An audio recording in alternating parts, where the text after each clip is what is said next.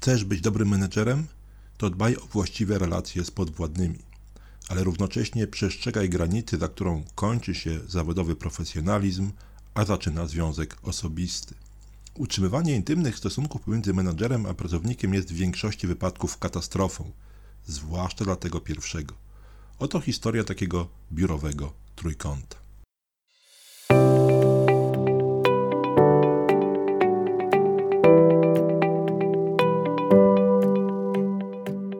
W jednej z firm do zarządu wpłynęła skarga pracownicy na to, że jej przełożona dyskryminowała ją na tle seksualnym.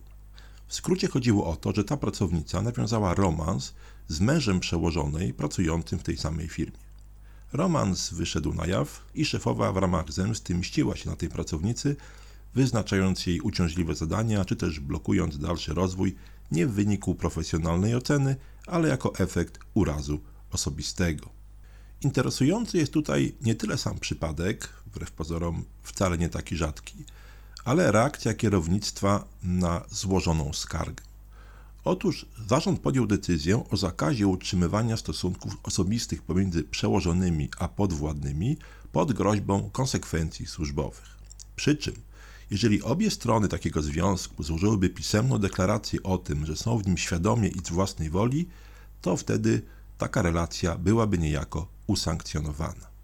Rozporządzenie rzecz jasna wzbudziło w firmie ogromne kontrowersje, które moglibyśmy podsumować w dwóch punktach. Po pierwsze, czy w ogóle kierownictwo mogło legalnie podjąć taką decyzję? Oraz po drugie, czy reakcja zarządu była słuszna i czy w istocie rozwiązywała ten problem. Większość prawników była zgodna co do tego, że zarząd ma prawo regulować stosunki między pracownikami na terenie zakładu o ile te stosunki mają istotny wpływ na jakość pracy. I w zasadzie nie wzbudzało to większych kontrowersji. Więcej wątpliwości wzbudzało jednak to, w jaki sposób definiować ów stosunek osobisty oraz jak kontrolować jego dynamikę. Przecież w jednym miesiącu moglibyśmy być w relacji, w drugim już nie, po czym moglibyśmy wrócić do siebie w miesiącu trzecim. Te rzeczy nie były w rozporządzeniu dookreślone, zostawiając swobodną interpretację kierownictwu, co część prawników uznała za wątpliwe. Ale pominijmy aspekt prawny i skupmy się na drugim punkcie, czyli kwestii, czy taka decyzja rozwiązywała dany problem. Otóż reakcja kierownictwa w stosunku do problemu dyskryminacji seksualnej była sensowna. Każda forma dyskryminacji jest wysoce naganna i powinna być zwalczana z całą mocą.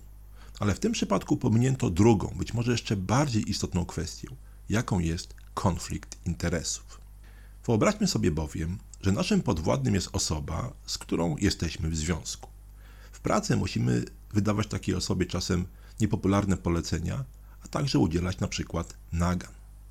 Co ma zatem zrobić przełożony, jeżeli musi wydać swojemu życiowemu partnerowi polecenie, którego ten drugi nie chce wykonać? albo jeżeli musi zwrócić mu ostrą uwagę, albo nawet ukarać. Przełożony ma do wyboru dwie rzeczy. Albo tego nie zrobić, co jest faworyzowaniem i nierównym traktowaniem pracowników, albo potraktować partnera tak samo jak każdego innego podwładnego i mieć nadzieję, że ten zawodowy konflikt w cudowny sposób wygaśnie po przekroczeniu bramy zakładu i nie będzie miał żadnych konsekwencji po przyjściu do domu.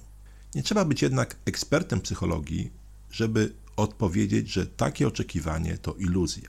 Niektórzy wprawdzie twierdzą, że potrafią oddzielić życie zawodowe od prywatnego, ale w rzeczywistości jest to bardzo trudne, a nawet niemożliwe. Weźmy inny przypadek. Kiedy zarządzając na przykład działem zakupów czy inwestycji, jesteśmy w relacji z podwładnym, który odpowiada za kontrakty finansowe, a które my jako przełożony musimy akceptować. Jest to oczywiście idealne pole do różnego rodzaju nadużyć. Albo jeżeli pracujemy w instytucji finansowej, gdzie transakcje muszą być autoryzowane na tak zwane dwie ręce przez pracownika i kierownika. Taka relacja również rodzi pole do defraudacji i wykorzystania sytuacji dla własnych korzyści. Zatem w wielu firmach, zwłaszcza finansowych, istnieje formalny zakaz sytuacji, kiedy współmarzonek jest bezpośrednim przełożonym drugiego. W mniejszych firmach gdzie trudno jest czasami przydzielić małżeństwo do niekonfliktujących obszarów, może istnieć zakaz pracy w całej firmie. Będąc menadżerem zatem, nie wchodźmy w bardziej osobiste relacje z podwładnymi. Poza konfliktem interesów rodzi to podejrzenia innych o faworyzowanie i generalnie nie sprzyja atmosferze w danym dziale. Pracownik będzie podejrzewany o to, że robi karierę przez łóżko, a my o to, że wykorzystujemy przewagę do tego, żeby go molestować. A jeżeli myślimy, że taki czy inny romans uda nam się ukryć, no to oczywiście jesteśmy w wielkim błędzie. Podobnie potencjalny konflikt interesów postarajmy się rozwiązać zawczasu na naszych warunkach, jeżeli nawet firma nie zwraca jeszcze na to uwagi.